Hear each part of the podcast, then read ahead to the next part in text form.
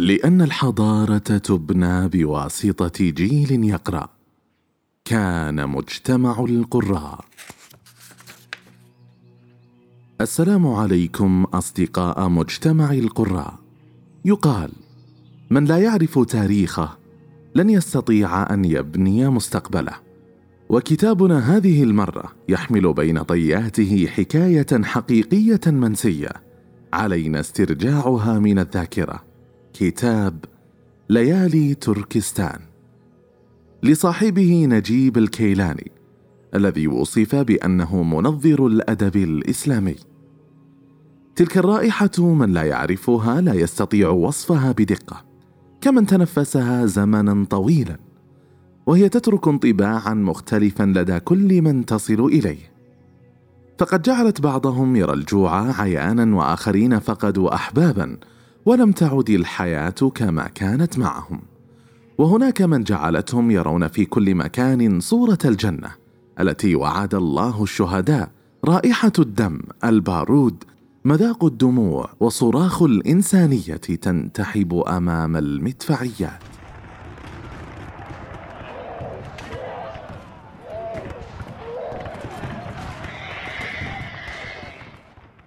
تلك رائحة الحرب وأولئك الذين وصلت إليهم بشتى الطرق هم أهل تركستان المفقودة اليوم التي سماها أهلها الأندلس الثانية. إذ سقطت تركستان تحت الاحتلال الصيني بالكامل بعد كثير من المقاومة التي كلفت ملايين الشهداء والمفقودين عام 1949 من الميلاد. هي الأندلس التي لم ينقذها أحد. كصاحبتها التي سقطت عام 1492 ميلادية. دخلت تركستان في الإسلام خلال القرن الرابع الهجري العاشر الميلادي وكانت من الأراضي الإسلامية القوية كغيرها ذلك الزمن إلا أن الصين بدأت هجماتها المتكررة على تركستان عام 1760 ميلادية بعد ضعفها. وقتلت نحو المليون مسلم وأكثر. لكن تركستان لم تستسلم بل كان الشعب ينتفض أمام الانتهاكات. فاندلعت الثورات وحركات الجهاد التي ما تلبث أن تهزم حتى تنبعث غيرها من تحت الرماد. واندلعت الثورة الأخيرة عام 1931 وهي التي تحدث عنها الكاتب نجيب الكيلاني بأسلوب روائي. على لسان الشاب مصطفى الذي كان يخدم في قصور الأمراء وتحولت حياته إلى أسلوب الكر والفر في الجبال مع الأعداء. قال المجاهد منصور لرفيقه مصطفى ترى سيذكرنا أحد بعد الموت؟ أجابه الرفيق وما قيمة أن يذكرنا أحد؟ إذا نسينا الناس فمعنى ذلك أن القضية الشريفة التي نناضل من أجلها قد ماتت. استولت القوات الصينية على قومول في تركستان الشرقية وحاول رئيس الشرطة الزواج من ابنة الأمير التركستاني تحت وطأة التهديد ومن هنا ظهرت الشرارة إذ اجتمع علماء الدين وكبار البلاد وقرروا الجهاد على ألا يداهنوا في دينهم ملة الكفر ولا يتركوا بناتهم لجنود الصين. فقد أصدر القائد الصيني قرارا بأن لا يمنع صيني شيوعي من الزواج بتركستانية مسلمة. وجدتني أفكر في الموت والحياة إذ كان لكل شيء نهاية. لم نخاف من لقاء الله وإن كان مصير الشهداء الجنة.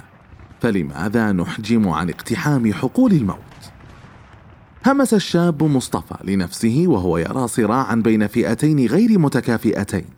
إحداهما مؤمنة وهدفها من القتال ليس سفك الدماء ولا طلبا للسلطة بل فقط الحفاظ على الأرض الإسلامية أن تبقى كذلك. ولطالما كان هذا هو السلاح الأقوى لدى المسلمين والذي ساعدهم على الاستمرار رغم قلة العدد والعدة. أما المغتصبون فكما هو ديدنهم نشر الفساد والفتن بين أطراف المجتمع المختلفة. واستغلال أهل الجهل وضعاف الإيمان من أجل هبوط معنويات الشعب ليصدقوا عجزهم ويستسلموا. الأصل في الأمة الإسلامية الخير. عندما كانت تنتصر حفنة قليلة من المجاهدين على الجحافل الصينية وقد استعادوا مقاطعة كبيرة قد سلبت من بلادهم ترى الشعب الذي كان يبدو مستسلما ساكنا قد انتفض من جديد وعادت إليه روح المقاومة. تنبعث رائحة الأمل من جديد. وتعود من تزوجت بصيني عنوة إلى كنف والديها الآمن ويتشجع الشباب للتطوع مع المقاتلين لإكمال الطريق. وسط فرحة أرض تركستان بطرد الأعداء الفرحة التي لم تدم طويلا تم تثبيت أركان دولة تركستان الشرقية خارج السيطرة الصينية وعين القائد المعروف الذي أرقت بسببه منامات كبار القادة الصينيين خوجه نياز رئيسا لها. وبرغم كل شيء فقد كنا دولة صغيرة.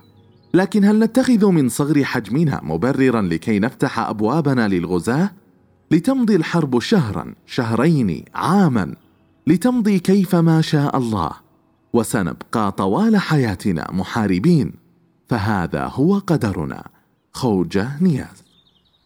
سقطت مقاطعة قومول الأولى التي اندلعت منها الثورة وكانت رمزا للرفض والكرامة وكما يفعل الغزاة دائما قتلوا من دون هوادة واعتقلوا من دون سؤال جعلوا المساجد مخازن ومسارح وعملوا على تدجين النشء ليكبر وقد كره تاريخه وفسدت شخصيته.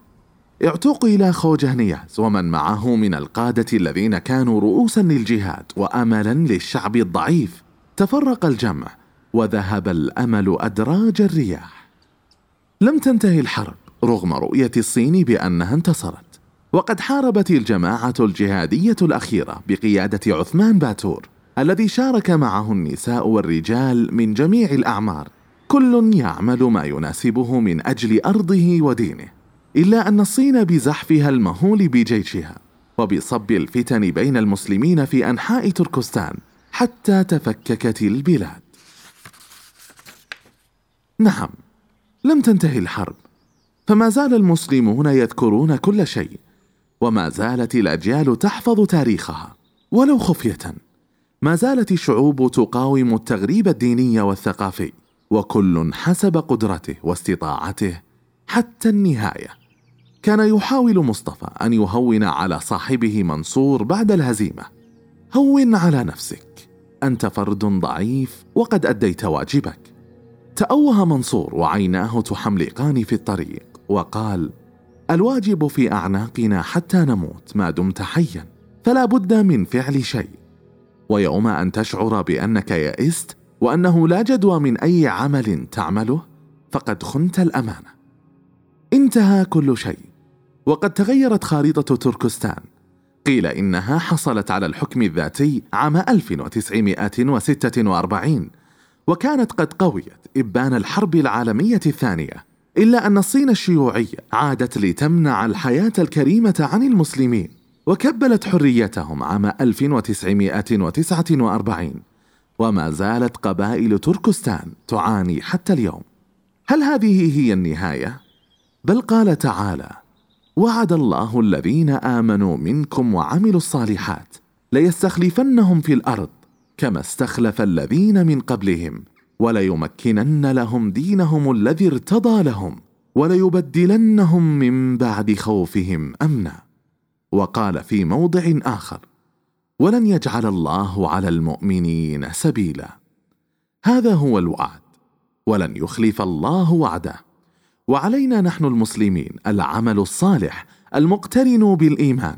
علينا اتخاذ الأسباب التي تجلب النصر ولا ننتظر نتائج آنية. وأن ليس للإنسان إلا ما سعى. اعمل واطلب من الله القبول ولا تنتظر شيئا آخر.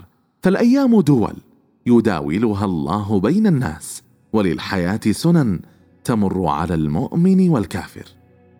انتهى حديثنا اليوم عن كتاب ليالي تركستان.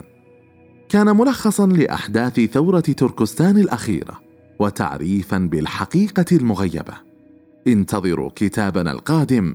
دمتم بخير يا أصدقاء.